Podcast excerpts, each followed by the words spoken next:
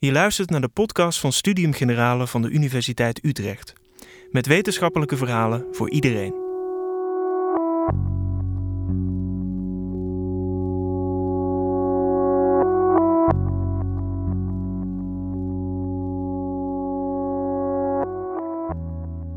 Biologisch gezien bestaan rassen niet. Uit het Human Genome Project, dat het menselijke DNA ontcijferde, bleek dat alle mensen genetisch voor 99,9% overeenkomen. En toch werken raciale denkbeelden door in onze samenleving, ook in de wetenschap. Wetenschapsantropoloog Amade Mtjarek onderzoekt hoe dat in zijn werk gaat en welke gevolgen het heeft. Bijvoorbeeld bij de Forensische Opsporingsdienst. Uit DNA-materiaal kun je de waarschijnlijke geografische afkomst van iemand afleiden. En daar verbinden we al snel een kleur aan. Maar maak je dan niet een hele populatie verdacht?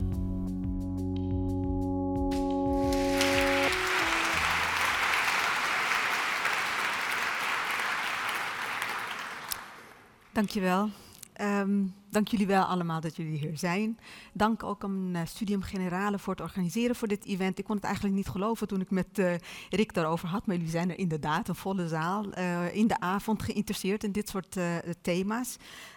Rick, ook bijzonder veel dank voor de uitnodiging en ook voor de begeleiding naar deze avond toe. Um, vanavond, ik ga het niet hebben over zwanen witte, nog zwarte zwanen, moet ik uh, uh, bekennen. En mij de schone taak om het te hebben over ras. Ras. Rassen in het Duits. Hè? Uh, begrippen die best heftig zijn, zoals u net heeft gehoord.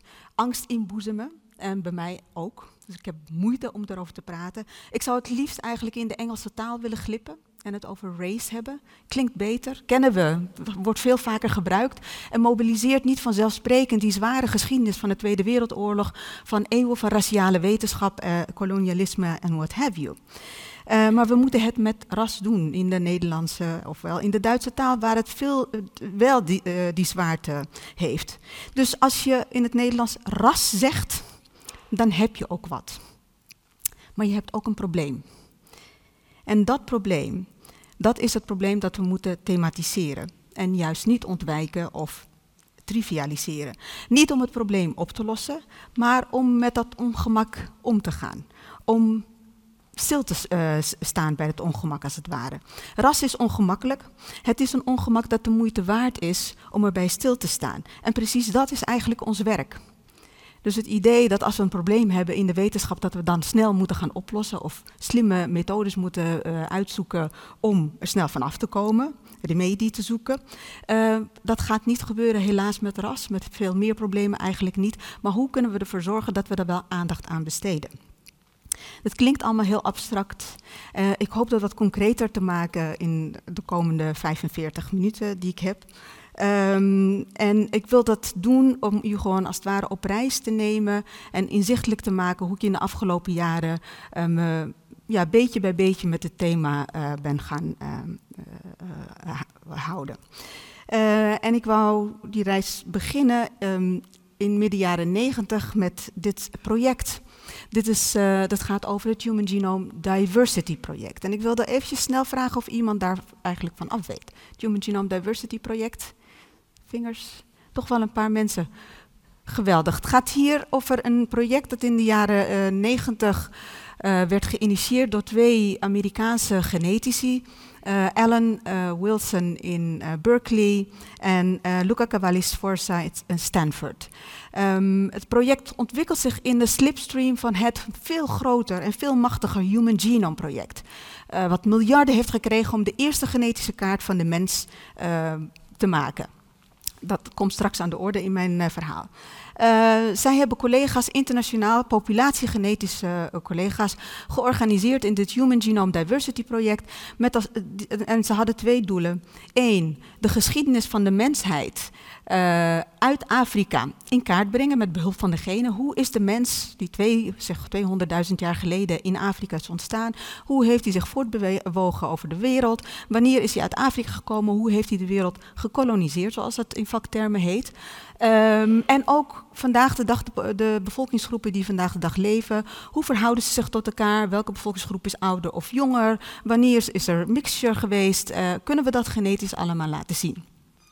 Nou, klinkt allemaal interessant. Wie wil er niet over zijn geschiedenis uh, meer te weten komen? Eén probleem was dat deze genetici uh, dat deden uh, ze hadden het idee van in Europa en in het Westen is het eigenlijk een grote smeltkroes. Het is heel moeilijk om dat soort patronen weer terug te vinden.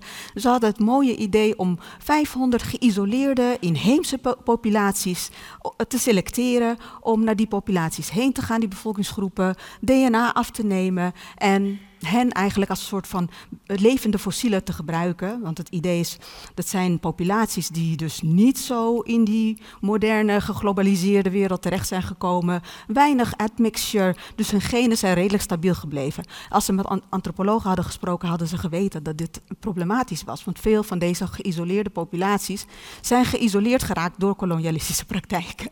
Dus uh, het is een effect van onze eigen geschiedenis en vrij recente geschiedenis. Anyway, maar doordat dat ze dus die, die moment dat ze die lijst publiceerden, heette deze Human Genome Diversity Project het Vampire Project. En waarom? Omdat ze natuurlijk geïnteresseerd waren in het bloed van zogenoemde onschuldige bevolkingsgroepen. Bevolkingsgroepen zonder geschiedenis. Het werd dus gigantisch controversieel, ze kwamen nauwelijks aan de bak in het begin. Um, ik was gealarmeerd door het project. Ik was ook geïnteresseerd in het project. Tegelijkertijd was ik nog meer geïrriteerd door het feit dat dit project heel erg controversieel werd. Uh, racistisch project, neocolonialisme, vampire project. Terwijl het veel grotere, machtige Human Genome Project, wat miljarden kreeg, wat ontzettend veel politieke en economische steun kreeg, nauwelijks discussie opleverde. En ik dacht, hoe kan het nou? Dat het ene heel politiek wordt gemaakt en het andere niet. Om die reden wilde ik niet um, zeg maar een standaard sociaal-wetenschappelijk onderzoek doen. je gaat naar uh, de, de uh, voorstanders en de tegenstanders heen en je vraagt ze om hun mening. Wat vinden ze nou de beste, betere oplossing? Je gaat de controverse in kaart brengen. Ik vond dat te lastig, want ik dacht op die manier ga je alleen maar die standpunten weer reproduceren. Dus ik was op zoek gegaan naar een wat rustigere, kalmere, misschien wel koele ruimte om dit project te onderzoeken en kwam zo in de laboratoria terecht niet ver weg, in Leiden hier, uh, mocht ik terugkomen om... Ik was oprecht geïnteresseerd naar wat doen jullie als jullie genetische diversiteit bestuderen? Uh, wat voor technieken heb je tot je beschikking? Uh, hoe kom je aan je samples? wat voor statistische, modellen gebruik je? En de andere vraag, kunnen jullie het me leren? Ik ben een sociale wetenschapper, wel zeer geïnteresseerd in de natuurwetenschappen, wel zeer, zeer geïnteresseerd in de biologie, maar natuurlijk dat nooit hands-on gedaan.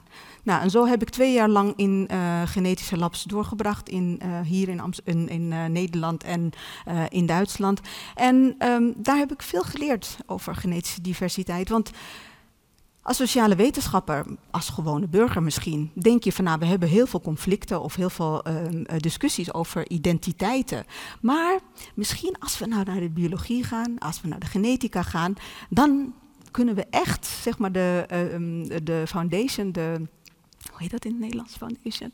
De, de, de grondslag de, ja, um, uh, voor, voor die identiteit te vinden. Hoe dun ook. Misschien is het daarin te vinden. Nou, het interessante is, als je het lab ingaat, uh, niet als je de publicaties le leest, want daar worden weer allerlei grote verhalen gereproduceerd, waarin het lijkt alsof er toch um, nou ja, allerlei meer stabiele, universele uh, verschillen te vinden zijn. Maar in het proces van het werk zelf zie je eigenlijk dat de genetica hele vloeibare identiteiten voortdurend aan het maken is. Als u hier op, um, uh, op dat plaatje kijkt, ziet u twee lijnen. Uh, dit is dus het Out of Africa verhaal. Twee lijnen, één is blauw en de andere is oranje. De blauwe lijnen die representeren het zogenoemde Y-chromosoom, dat is het mannelijk seksenchromosoom. En de, uh, dat wordt van vader op zoon natuurlijk overgedragen. Uh, in principe dragen uh, vrouwen geen Y-chromosoom. De oranje lijnen, dat die representeren het mitochondriale DNA. Dat is DNA dat wel mannen en vrouwen bij zich dragen, maar het wordt alleen via de moederlijke lijn overgedragen. dus we hebben daar mooie lijnen van wat mannelijke en vrouwelijke overervingstrajecten. Uh, maar die lijnen die lopen niet, synoniem, lopen niet uh, synchroon. Dus als ik hier een, een, onderzoek zou doen in deze zaal op basis van het Y-chromosoom, dan krijg je alleen onder mannen, dan krijg je een, een, hele andere verdeling dan wanneer ik ook het mitochondriaal DNA erbij zou betrekken. Dan valt die groep uit elkaar of krijg je hele complexe configuraties. Dus dat betekent dat dat DNA, en we hebben miljarden bouwstenen, afhankelijk van welke stukjes ik ga onderzoeken, aan welke stukjes ik aandacht ga besteden, dat ik op, steeds weer opnieuw nieuwe ordeningen ga maken in populaties.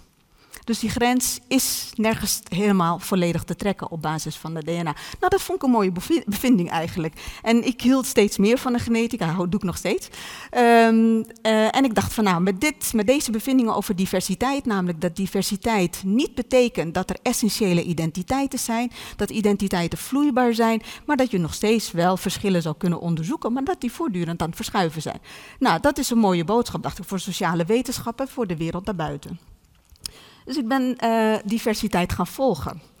Uit het laboratorium, in klinische praktijken, um, in, in de samenleving. En overal, weten we, is diversiteit een issue. Uh, maar ik, ik, ik stuitte vrij snel op problemen. En, uh, en die hadden te maken met het feit dat diversiteit iets moois is. Iedereen denkt dat als wij diversiteit doen, dan is het bijna apolitiek, of tenminste, het is politiek het goede. Biodiversiteit, culturele diversiteit willen, willen we nastreven. Uh, diversiteit maakt niets uit van wat is altijd uh, mooi. Maar wat ik in praktijk zag, is dat hoewel mensen vaak het hadden over diversiteit, dat het heel vaak ging over hele rigide identiteiten. Dus in feite waren wij, hoewel we het hebben over dingen die misschien wat complexer liggen, eigenlijk hele oude categorieën van groepsidentiteit aan het reproduceren. Vooral in de medische praktijk vond ik dat heel erg schrijnend. En langzaam maar zeker dacht ik, nee, we hebben hier te maken met een biologisering van verschil. We hebben hier te maken met een biologisering van groepsverschil. We hebben ook te maken met een soort van oprukking van de levenswetenschappen in het dagelijks leven met behulp van het eh, Human Genome Project, met ook met andere projecten. Uh, dus we hebben misschien wel te maken hier met trassen. Moeten we dat gewoon head-on adresseren in plaats van het steeds maar zeggen dat het niet bestaat. Een andere reden waarom ik dacht van ras is, uh, is de moeite waard om te onderzoeken, had te maken met de afdeling waar ik kwam te werken. Ik, uh, 2008, 2009 uh, ben ik van afdeling ver veranderd. Ik werkte voorheen bij biologie en, uh, en, en, politicologie en ik kwam te werken bij een afdeling antropologie aan dezelfde universiteit. Wat ik, waar ik heel gelukkig ben, heel blij was. Um, de, de, plaatjes die ik hier met u deel, uh, zijn de plaatjes die daar uh, hingen uh, in de portiersloge. En toen ik daar aankwam in 2009, was ik heel verrast dat die plaatjes daar hingen en niemand die het erover had. Een afdeling waar niemand onderzoek deed naar ras, waar we in het curriculum helemaal geen aandacht besteden aan ras. Die geschiedenis die van de antropologie, die daar aanwezig was, die aan de muren hing als het ware, was een aanwezige afwezige. En het is nu helemaal veranderd. Hè. We hebben ontzettend veel onderzoeksprojecten lopen die precies over het thema over ras en racisme gaan. In het onderwijs is het heel erg uh, um, uh, gerepresenteerd. Maar dat, dat fascineert me. Hoe kan het nou, deze afdeling? Waar, die plaatjes die moeten toch eigenlijk lopen tot allerlei discussie. Maar dat gebeurde niet. En slowly but surely, want ik ben niet als antropoloog opgeleid. Ik ben een breed sociale wetenschap, maar antropologie was niet mijn thuisopleiding. Um, de reden waarom het niet geadresseerd was, was eigenlijk een veel groter probleem binnen de antropologie. En dat had te maken met de geschiedenis van de antropologie. En dat is deze geschiedenis, waarbij um, de antropologie, um, ja, je zou kunnen zeggen, heeft ge... Hij is er weer heeft meegelift met de, het koloniale project, met kolonialisme. Uh, antropologen die de wereld in, uh, in reisden, die gigantische diversiteit aanschouwden onder, onder de, de volkeren van de wereld. uh, het is ook in de periode waar de statistiek opkomt. Dus antropologen waren geobsedeerd door die grote diversiteit, waren geobsedeerd door ras. En je zou kunnen zeggen dat ras gewoon het thema was van, uh, van de antropologie in de nou ja, 19e, 20e uh, eeuw. en dat deden ze inderdaad door de lichamen van mensen te, massen, te, te, meten en te, en te passen. Dikke boeken erover gepubliceerd, de hele lichaamsoppervlakte, alles in kaart, van tenen tot oren, tot haren en, en, en, en huidskleuren. Um, maar diezelfde wetenschap heeft natuurlijk ook geleid tot wat we kennen als de eugenetische uh, wetenschap heeft bijgedragen aan die eugenetische traditie. Eugenetica is um, het verbeteren van uh, de kwaliteit van de bevolking met behulp van biologische interventies. Door sommige mensen te laten reproduceren en andere mensen juist te steriliseren of zelfs te vermoorden. Heeft natuurlijk de, uh, geleid tot de, de verschrikkelijke um, genocides tijdens de Tweede Wereldoorlog onder Nazi-Duitsland. Nou, deze geschiedenis in de antropologie is eigenlijk niet echt verwerkt. Antropologen hebben hun rug daar naartoe gekeerd en hebben gezegd: cultuur, dat is uh, ons object van onderzoek en niet meer ras.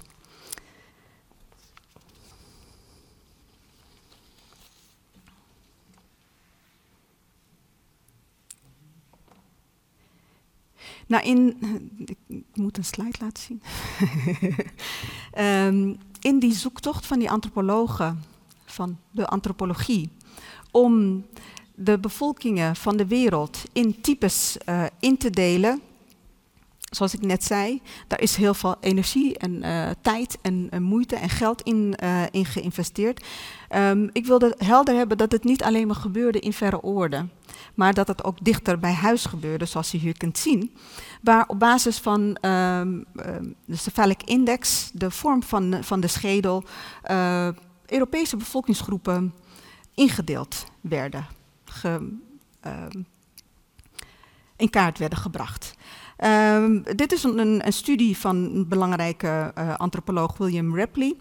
En ik wilde met u een uh, uitspraak van hem uh, delen, omdat het ook laat zien um, naar waar deze energie toe heeft geleid van de antropologen, deze inspanning van antropologen. Dit is een citaat die komt van de uh, historicus Stocking, George Stocking, historicus van de antropologie. En uh, hij zegt dus over uh, William Ripley en zijn frustratie. In the 35 years after Paul Broca, een andere antropoloog, founded the Société d'Anthropologie de Paris in uh, 1859, 25 million Europeans were subjected to anthropometric measures. 25 million Europeans. 25 miljoen mensen. En dat is niet alles, hè, dat is maar een kleine. Yet William Ripley he wrote to Otto von Amon, asked him for a photograph of the pure alpine uh, alpino type from the Black Forest. Amon was unable to provide him with such. Dus het gaat om de alpinotype, of hij een foto kon sturen naar William Ripley. En Ripley verzuchtte. He has measured thousands of heads. And yet he answered that he really had not been able to find a perfect specimen in all details. All his round headed men were either blonde or tall, or narrow roast, or something else. They ought not be. Nou, deze frustratie, daar zit een les in, wat heel belangrijk in, is. Dat natuurlijk zijn biologische verschillen te maken. Um, dat kunnen we doen, hier bijvoorbeeld op basis van schedelvormen. Maar die moment dat ik van een schedelvorm overga naar bijvoorbeeld huidskleur of uh, lichaamslengte of haarkleur, uh, dan valt mijn ordening weer uit elkaar. Dus uh, het is niet mogelijk om alle verschillende biologische kenmerken bij elkaar op te tellen en één raciale type te maken. Dat is een belangrijke les. Um, deze les is ook recentelijk met ons gedeeld via dat machtige Human Genome Project waar ik het eerder over had. Dat miljardenproject uh, wat in, 2000, uh, in het jaar 2000, juni 2000, leidde tot de ruwe versie van de eerste genetische kaart van de mens.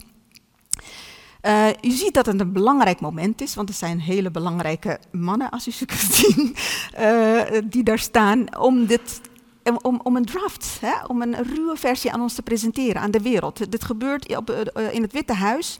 Uh, de toenmalige president Bill Clinton staat daar. Tony Blair, toenmalig premier van Verenigd Koninkrijk.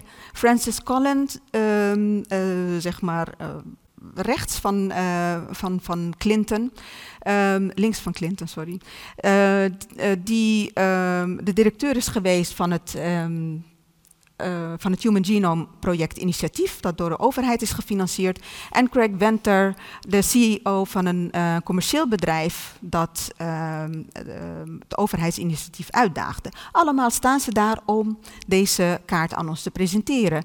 En in zijn, ehm, in zijn speech, in zijn reden, uh, zegt Bill Clinton het volgende. I believe one of the great truths to emerge from this triumphant expedition inside the human genome is that in genetic terms, all human beings, regardless of race, are more than 99.9% the same. En dit moment werd gezien als zeg maar, de dood van ras. Ras bestaat niet, dat hebben we nu genetisch bewezen. Tegelijkertijd wordt race natuurlijk gebruikt in de Amerikaanse context, waar het een, een algemeen gebruikt begrip is voor identiteiten of etniciteiten. Um, het interessante is dat het onderzoek vervolgens niet gaat over die 99,9% gelijkheid, maar juist over die 0,1% van verschil. Het inkt was nog niet droog of daar ging al het geld naartoe voor het onderzoek. We doen onderzoek naar, uh, op het gebied van medische genetica, kijken we naar het verschil. Genetische genealogie, dus op zoek naar onze oorsprongen waar vandaan komen, kijken we naar de verschillen. Uh, de archeogenetica, wat meer werkt met historisch, uh, historisch onderzoek naar bijvoorbeeld identificeren van skeletten uit de middeleeuwen of langer geleden. Daar kijken we ook naar het verschil. En hetzelfde geldt zeg maar, van mijn onderzoeksgebied, de forensische genetica. Ook daar, in al deze gebieden, is het verschil wat de klok slaat. Om het nog krasser te maken, u heeft net uh, Francis Collins gezien, die daar staat, de directeur van het Human Genome Project. In 2004, vier jaar later, zegt hij het volgende. Increasing scientific evidence, however, indicates that genetic variation can be used to make a reasonable, accurate prediction of geographic origins of an individual. It is not strictly true that race or ethnicity has no biological connections.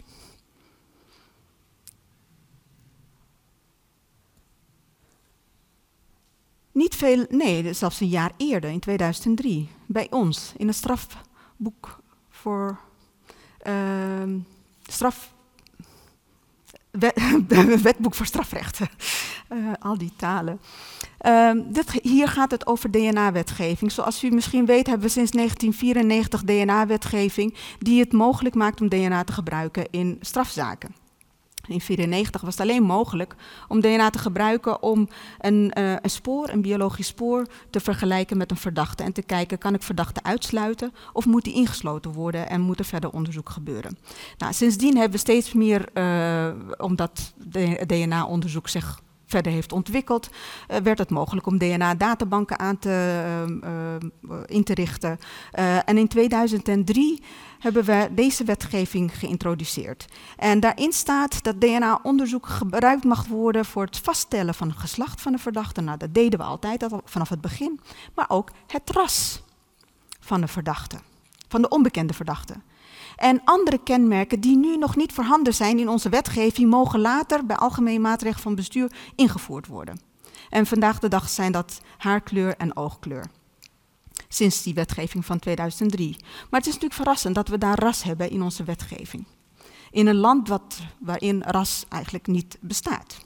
Behalve in ons grondwet om mensen te beschermen tegen racisme.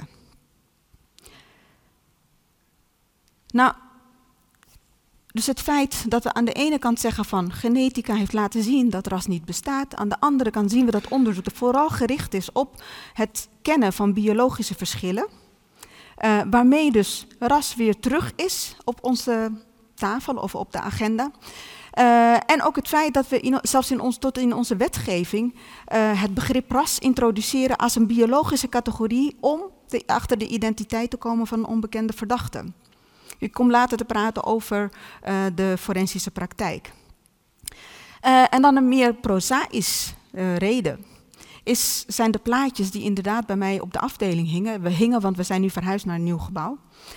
Die mij aan het denken hebben gezet over ras en wat we ermee moeten in deze samenleving. Dat het niet meer, um, ja, niet meer goed is, uh, wellicht, of uh, dat dat niet meer voldoende is om uh, op afstand te blijven en te laten zien van moet je eens kijken naar, naar diversiteit en er zijn eigenlijk, de genetica is eigenlijk veel vloeibaarder dan dat, um, ben ik tot de conclusie gekomen, we moeten dat um, adresseren en het, het beestje bij het naam noemen, namelijk ras.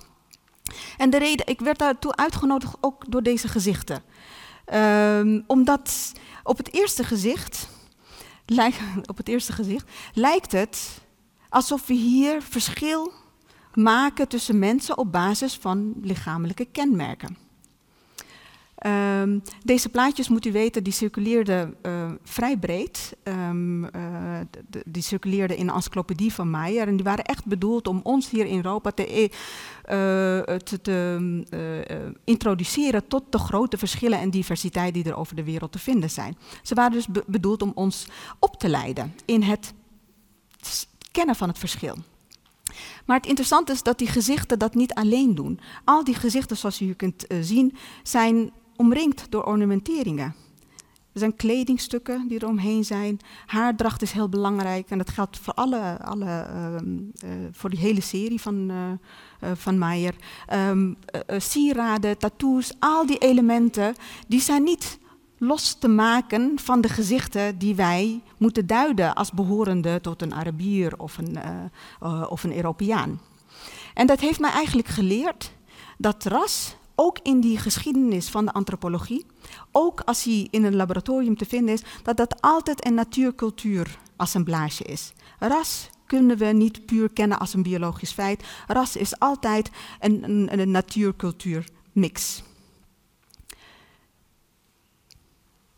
Nou, dat bij elkaar, dus de terugkomst van ras in de genetica en het feit dat het mogelijk zou moeten zijn om ras te benaderen als een cultureel biologisch uh, uh, fenomeen, uh, leidde tot dit project wat Rick eerder heeft genoemd. Dat is het grote project waar ik nu leiding aan geef. Het heet het Race Face ID project.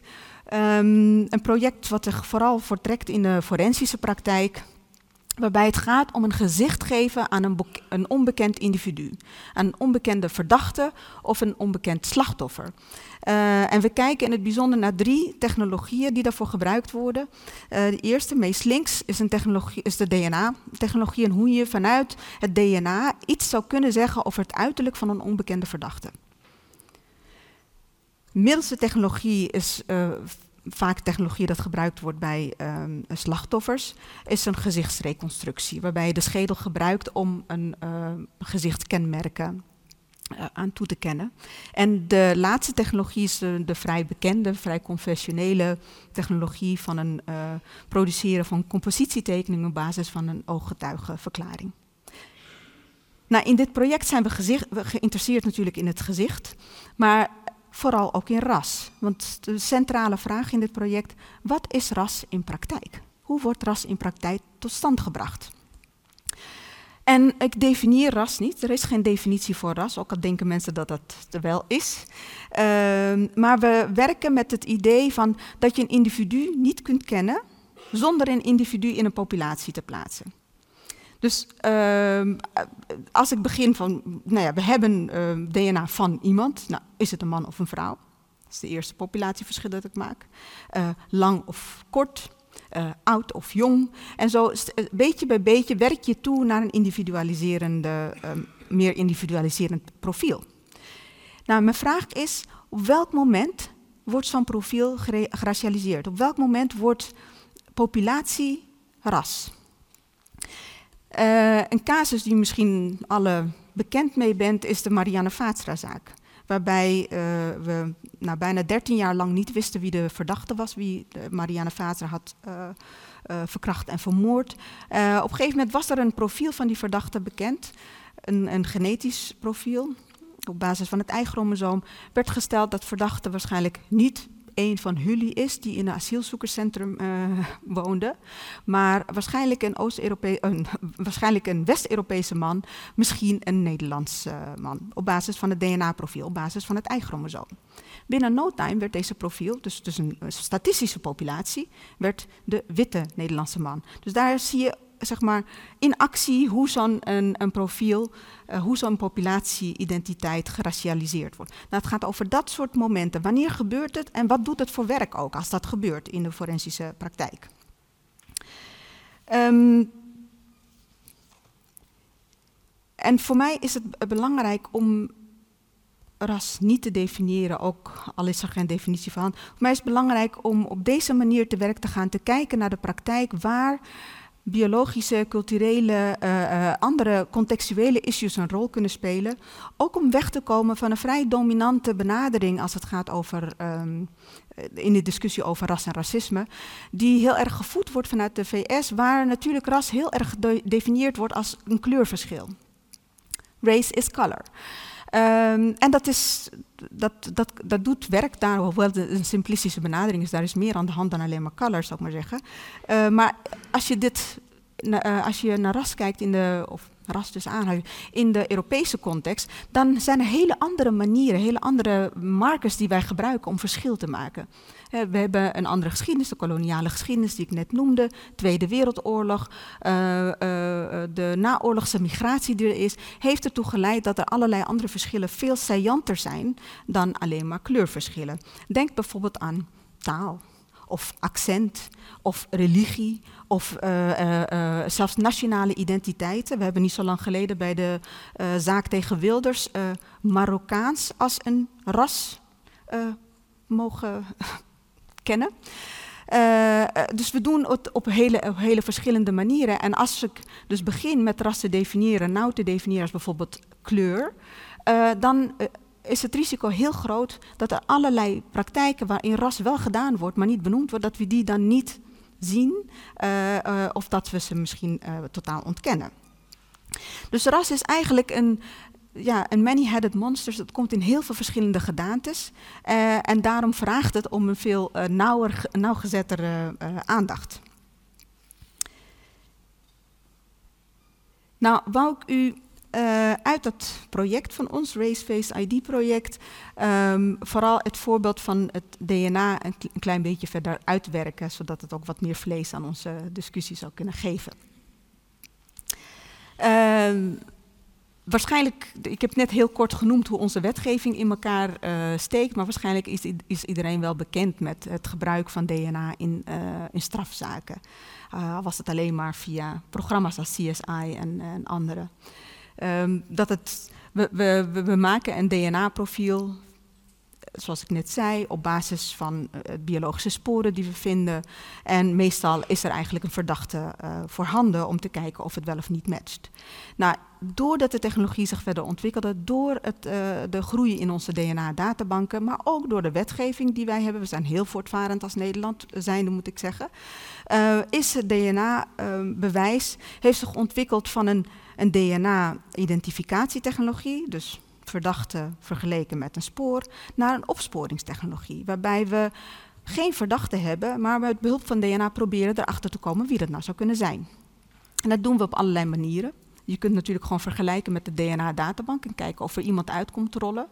Uh, een andere mogelijkheid is, zoals we dat met uh, Marianne Vatra een paar keer hebben gedaan, maar zeker ook de laatste keer, is mannen uitnodigen, vooral mannen vaak, zoals u weet, uitnodigen om eh, DNA af te staan en om te kijken of je daar de verdachte onder zou kunnen vinden. De, in de context van Marianne Vaatstra hebben we dus ook een nieuwe wetgeving ontwikkeld om een nieuwe technologie of een nieuwe toepassing van die mannen uitnodigen uh, te kunnen doen. En dat is het zogenoemde verwantschapsonderzoek, familiar searching, waarbij je vermoed dat de verdachte niet onder jouw donatoren zit, maar misschien een oom of een, uh, een grootvader of een kind uh, uh, van die verdachte is. Nou, in het geval van Marianne Vaas dachten we dat dat de situatie zou zijn, maar Jasper S. bleek dus gewoon onder de mannen te zitten die uitgenodigd werden en werd dus meteen bij de kraag gepakt. De andere mogelijkheid is dus um, uh, het, het, achterhalen van de uiterlijke kenmerken van de onbekende verdachte.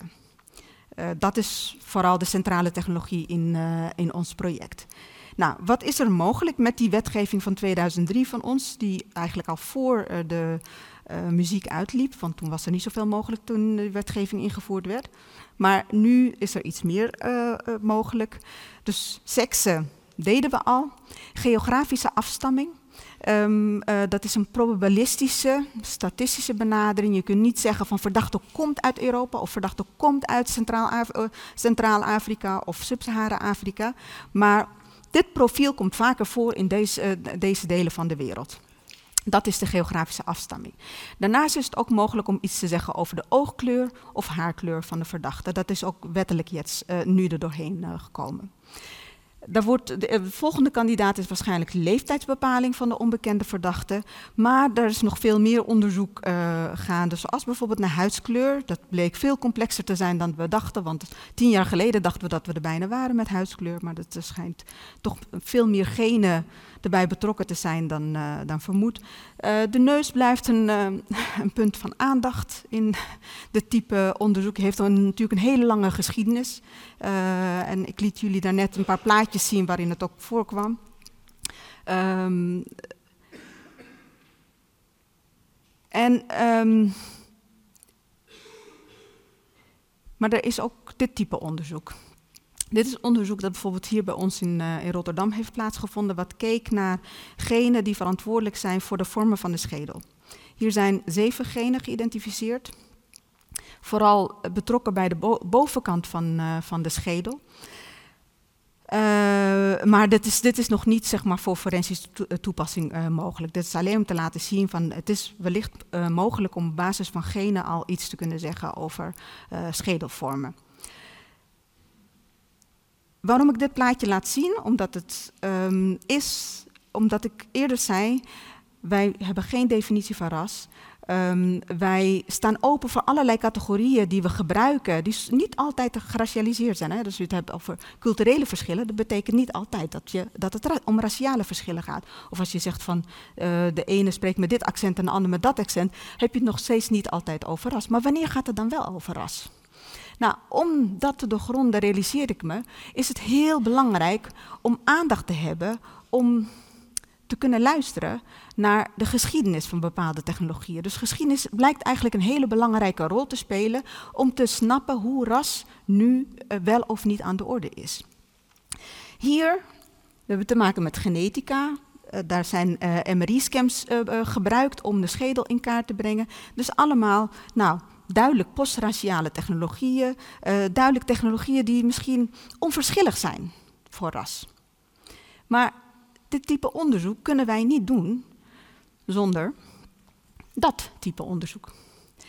Um, en dat zijn namelijk al die duizenden en duizenden van schedels die gemeten zijn op basis waarvan protocols zijn opgericht, ingericht, op basis waarvan groepen zijn geclassificeerd naar raciale uh, kenmerken, die zijn nog steeds ontzettend relevant voor de laboratoriumpraktijk van vandaag de dag.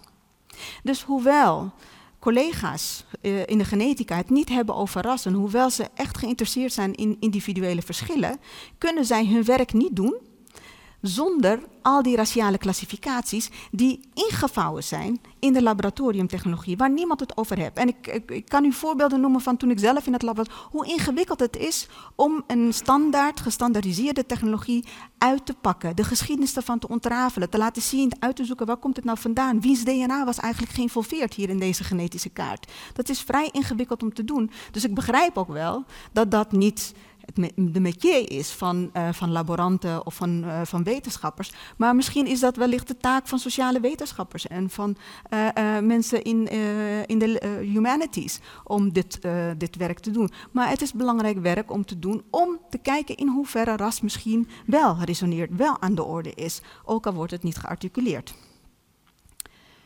En hetzelfde geldt voor het volgende voorbeeld wat ik hier met u wil delen. Uh, ook zo'n uh, forensisch genetische technologie die heel controversieel is binnen de forensische gemeenschap. Dus een commercieel bedrijf in, in de Verenigde Staten dat weliswaar gebruik maakt van kennis dat door genetici is ontwikkeld. Mike Shriver in Pennsylvania in de VS en Peter Klaas in Leuven die hebben de koppen bij elkaar gestoken, hebben eigenlijk de technologie ontwikkeld voor dit bedrijf, maar hebben ze hun handen ervan afgetrokken. Dit bedrijf werkt nu nauw samen met de politie in de Verenigde Staten en, uh, uh, en in Canada. In Nederland lukte hen niet om toegang te krijgen, want we waren niet zo geïnteresseerd in hen. Uh, zij beloven dus een echt een gezicht te kunnen geven bij een portrettekening uh, van de onbekende verdachte. Wat zij doen, ze hebben een database, gebaseerd op studenten natuurlijk, eh, waarvan ze de foto hebben en ook genetische profielen in kaart hebben gebracht. En het is die database die zij gebruiken om het DNA van onbekend eh, persoon, uh, om daar een gezicht, een fotografisch gezicht aan te geven. Maar wat doen ze? Ze beloven een gezicht. Vrij complex. En we weten heel weinig van het gezicht. We weten weinig van het gezicht eigenlijk binnen alle vakgebieden laat staan binnen de genetica. Nou, daar, daar, staat het lijstje. Ze kunnen zeggen wat de sekse van, uh, van de uh, onbekende verdachte is. Ze kunnen iets zeggen over uh, zijn huidskleur. Hoewel het, ik heb net gezegd, dat is vrij complex. Dat is echt niet gevalideerde technologie. Maar zij claimen dat te zeggen. Ze kunnen iets zeggen over oog- en haarkleur. Of die wel of geen sproeten heeft. Heel belangrijk. En ook de geografische afstamming, dus de ancestry. Hier kunnen we zien dat de verdachte 92% West-Afrikaan is en 8% waarschijnlijk Noordwest-Europees. Maar het interessante is dat we een plaatje hebben van iemand, zoals ik zeg, bijna een portret. Um, geprononceerde lippen, neusbreedte, haar, kapsel, ehm, geen dreadlocks, een typische kapsel. Um, en wat hier dus gebeurt, is dat ondanks het feit dat, we, dat de claim cutting edge individualiserende technologie is, dat de categorie ancestry, 92%, West-Afrikaans, een gebied dat vele malen groter is dan, uh, dan Europa, dat dat gebruikt wordt om een type, raciale type te maken van deze onbekende verdachte. Het is slechts op zijn ancestry dat we hier een idee gepresenteerd krijgen van lipdikte, neusbreedte, de stand van ogen, zelfs de uh, haardracht. En het is op deze manier dat ras steeds weer opnieuw gedaan wordt. we, hebben het over ancestry, zijn geen raciale kenmerken hier. Wordt, niemand wil het hebben over, uh, over ras, maar ondertussen wordt het wel gedaan op een manier die heel erg uh, stereotyperend is.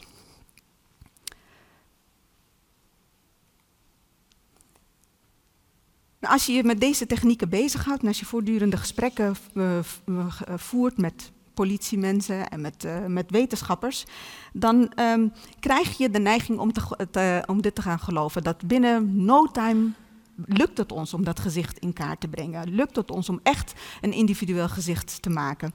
En dit is een zo'n uitspraak van een geneticus.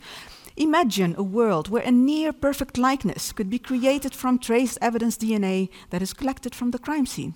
The phantom image could be printed, distributed and used to identify a suspect. En dit is ook hoe onze minister van Justitie toen de tijd uh, in de voorbereiding van die wetgeving van 2003, hè, die we hebben gebruikt ook bij Marianne Vaastra, in die voorbereiding, dat was het beeld hè, van een compositietekening die we op televisie kunnen laten zien. Dus uh, ja, deze geneticus zegt, we zijn er nog niet, maar het werk kan gedaan worden. The potential exists, the scientific work just needs to be done. And of course, you will need some money for it. Dat is natuurlijk ook de boodschap van, uh, uh, van wetenschappers als ze zoiets uh, beloven. Nou, dat lijkt dus van de toekomst, is, is, ja, dat is niet ver weg. Binnenkort wordt dit mogelijk als, we, als er maar politieke goodwill en economische middelen vrij worden gemaakt. Maar toen ik, eh, stuitte ik op eh, deze quote. Die zegt, dat is ook in een forensisch tijdschrift, does the drawing, dat gaat over de forensische sketch, does the drawing need to look exactly like the perpetrator to be effective? Dus moet die precies zijn? Moet het een, een, een, foto zijn om effectief te zijn? No, it does not. The likeness, likeness should be as accurate as possible. In contrast to the commonly held belief that highly detailed or photographic images are more effective, these images actually narrow, down the scope of interpretation on the part of the viewer, who simply concludes that they do not know the person, rather than considering the likeness. Dus het is contra-intuïtief, dat met preciezere plaatjes, zoals bijvoorbeeld hierboven, dat die dus niet goed werken, maar juist als het wat schetsmatere, karikatuurachtige uh, plaatjes, dat die beter werk doen. Dat betekent dat onvolledigheid een deugd is in deze opsporingspraktijk. En hij doet werk, en zeker als het gaat om DNA-onderzoek, omdat hij ons als burgers betrekt bij het proces van identificeren. Ze, deze plaatjes dwingen ons om te kijken in plaats van te denken, oh, weer een reclamebeeld, ik loop door. zo leren we ook met beelden om te gaan. Dus deze incompleteness, deze onvolledigheid, produceert, en dat is weer het probleem, het produceert niet zozeer de individuele verdachte, zoals de technologie ons belooft, maar een verdachte populatie. En precies daar is natuurlijk het probleem.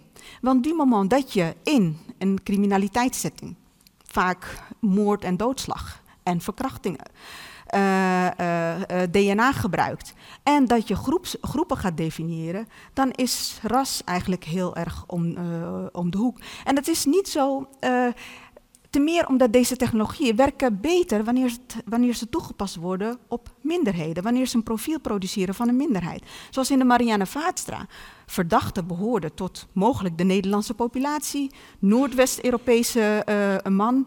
Zo'n zo zo zo definitie is veel te groot om relevant te zijn voor de opsporingsapparaat.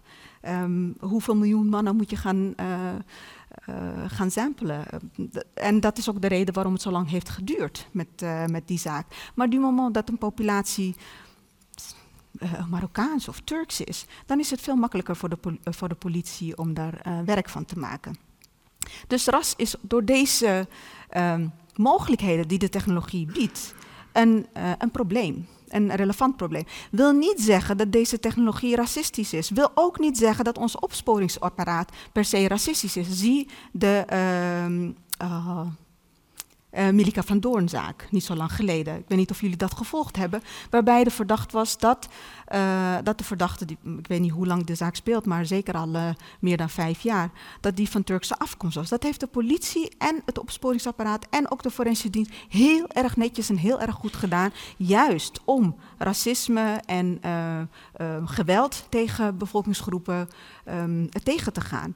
Dus dat betekent dat deze technologieën die hebben de racistische potentie in zich, maar vragen ons daarom als samenleving om veel meer voor- en nazorg om die op een goede manier uh, toe te passen. Het zou belachelijk zijn om te zeggen van nee, dat gaan we niet doen. Uh, en, uh, want we weten als er bij ons in de straat iets gebeurt, dan willen we wel degelijk dat alle middelen uit de kast worden gehaald om de, de, de verdachte te vinden.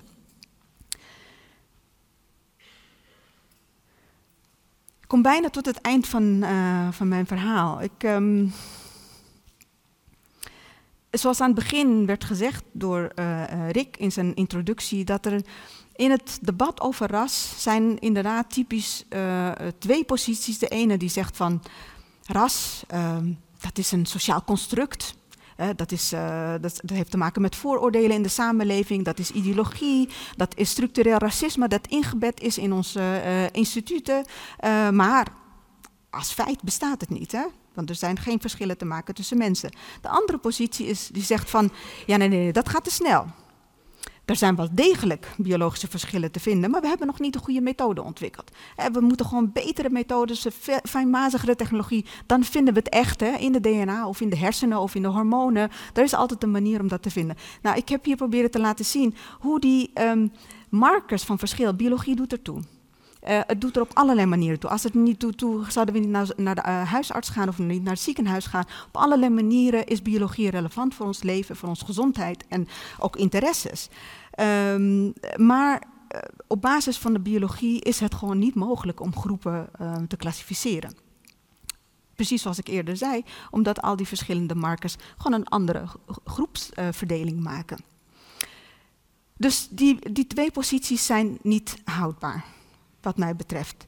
Tegelijkertijd is het een, fictie om te denken dat ras niet bestaat. Wij doen het de hele tijd. En we doen het en het ontstaat onder ons ogen en we hebben de woorden niet voor. Uh, uh, het ontstaat uh, onder ons ogen en we kijken weg. Ehm, of we willen er niet over praten uit schaamte of welke redenen dan ook. Um, ik heb hier proberen te pleiten voor, we moeten er wel aangaan. En juist omdat als we dat niet doen, dat het ons misschien per toeval of, of verrast. Uh, uh, en, en we moeten er aangaan om juist erger te voorkomen.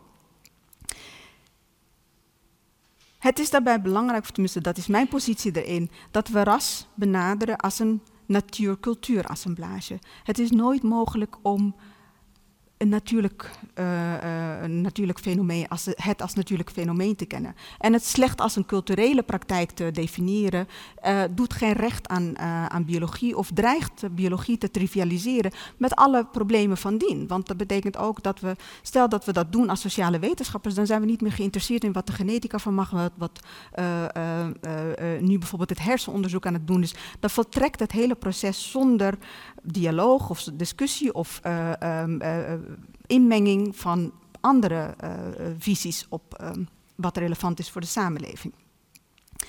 Ras is inderdaad een duikelaar, zoals ik net zei. Het is een, een aanwezige afwezige de hele tijd. En juist omdat het begrip ras, zoals ik aan het begin zei, het is een moeilijk begrip. Ik vind het zelf ook heel lastig. Ik heb het hier de hele avond gebruikt, wel eigenlijk best stoer. Want ik vind het een, als begrip, die moment dat je het uit, heeft het de neiging om uh, uh, zichzelf te reificeren, om zichzelf te produceren als een hard feit. Je gebruikt de taal en met de taal naturaliseer je het fenomeen. Alsof het bestaat buiten mijn inmenging.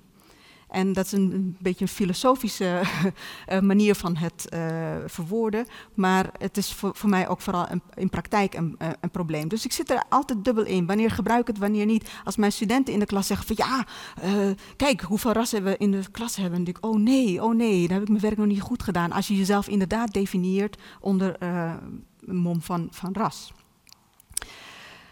Nou, ras is niet concreet, het is niet hard, maar het is juist glibberig en fluïde. En precies zoals ik net zei, wat we van de genetica kunnen leren, dat er zoveel verschillende manieren om uh, uh, groepen te ordenen en dat die verschillende manieren ook hun impact hebben over nou, wat wij kiezen te naturaliseren. Het is ook een fenomeen waar we voor moeten zorgen. En dit klinkt ingewikkeld, want je zou denken van zorgen, dat doe je toch alleen maar voor de dingen waar je van houdt. Dingen die mooi zijn, die je de moeite waard zijn om voor te zorgen. En ras is duidelijk niet, behoort niet tot die dingen, daar wil je het liefst van af zijn. Dat is een soort van een lastpost of een hete aardappel die je gewoon weg wil gooien. Tegelijkertijd is het omdat het, die geschiedenis, die kunnen we niet achter ons laten. De geschiedenis van ras, van raciale wetenschap, dat is niet een geschiedenis die passé is. Want die is ingebed in onze ziekenhuizen, in onze klinieken, in onze laboratoria, in onze boeken, uh, in onze ordening van de samenleving. En het is beter dan die dat te ontkennen uh, en, en, en het onder ogen te zien en te kijken wat het doet. Dat, niet dat het onschuldig is of niet gevaarlijk is, dat wil ik helder hebben. Het is geen makkelijk object om, om je toe te verhouden. Nou, ras doet alarmbellen rinkelen, heb ik hier staan. En dat is goed. Het is niet de, onze taak om het dood te zwijgen, en ik herhaal mezelf, maar juist om er steeds een vraagteken bij te, te stellen. Ras, vraagteken, maar wat is het dan? En waar wordt het gedaan? En waarom? En waarom is het daar relevant? En wat wordt ervan gemaakt eigenlijk? Niet te veronderstellen dat we het al kennen. En dat is een beetje het probleem wat ik ook heb met heel vaak alleen maar antiracistische houding innemen, is dat je toch denkt van, nou, ik weet wel wanneer, wanneer het echt over ras gaat hoor, maar in dit geval gaat het niet over ras. Dit is echt racisme. Dat is problematisch. Ik denk dat we meer ons uh, serieus daartoe moeten verhouden. Oké, nou tot slot, en ik, uh, ik ga het niet hebben over IQ en ras. Dat is, komt waarschijnlijk wel in, in de discussie aan bod. Maar ik wilde wel laten zien van hoe feiten en fictie door elkaar spelen door een voorbeeld. Ik weet niet of jullie daar uh, dat een beetje hebben gevolgd, maar sinds kort weten wij dat uh, de mens en de Neandertaler iets met elkaar hebben gehad. Uh, we weten dat wij met z'n allen dragers zijn van het genen van de Neandertalen. De Neandertalen was natuurlijk een, anders, een andere soort, was ook een dommer soort, want anders was hij niet uitgestorven. Wij, wij zijn nog hier. Uh, uh, misschien hadden wij daar een rol in, weten we niet, maar zij zijn weg en wij zijn hier. En de Neandertaler duidelijk anders en duidelijk minder. Die zag er dus zo uit. Um, Twee jaar geleden was ik uh, met mijn gezin in, uh, in de Provence op vakantie en waren daar naar uh, een museum. En toen kwam ik hem zo tegen. De Neandertal, hé, hey, hij is van kleur verschoten. Um, en toen ben ik een paar dagen in de bibliotheek daar rond gaan hangen in het, in dat prachtige museum van de Les Ici de Taillac. En ben gebleven met die Neandertaal. Van wat is er nou eigenlijk gebeurd sinds dat we weten dat wij verwant zijn met de Neandertaal. En je ziet dus hoe die veranderd is van een soort aapachtig type, zwart, uh, negroïde, um, aboriginal-achtig, naar zo'n wit figuur. En toen kwam ik hem tegen in Duitsland, zo, als een soort van CEO.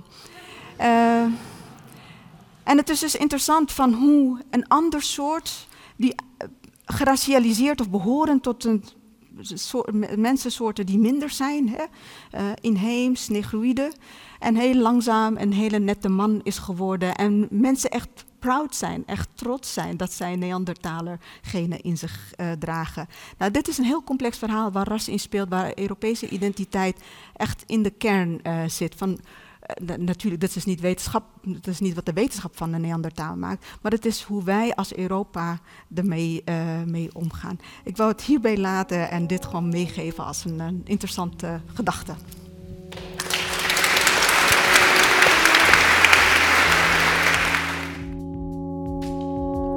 Dit was de podcast van Studium Generale van de Universiteit Utrecht. Wil je meer lezingen luisteren? Check dan de playlist op Spotify en iTunes. Of ga naar onze website sg.uu.nl/podcast.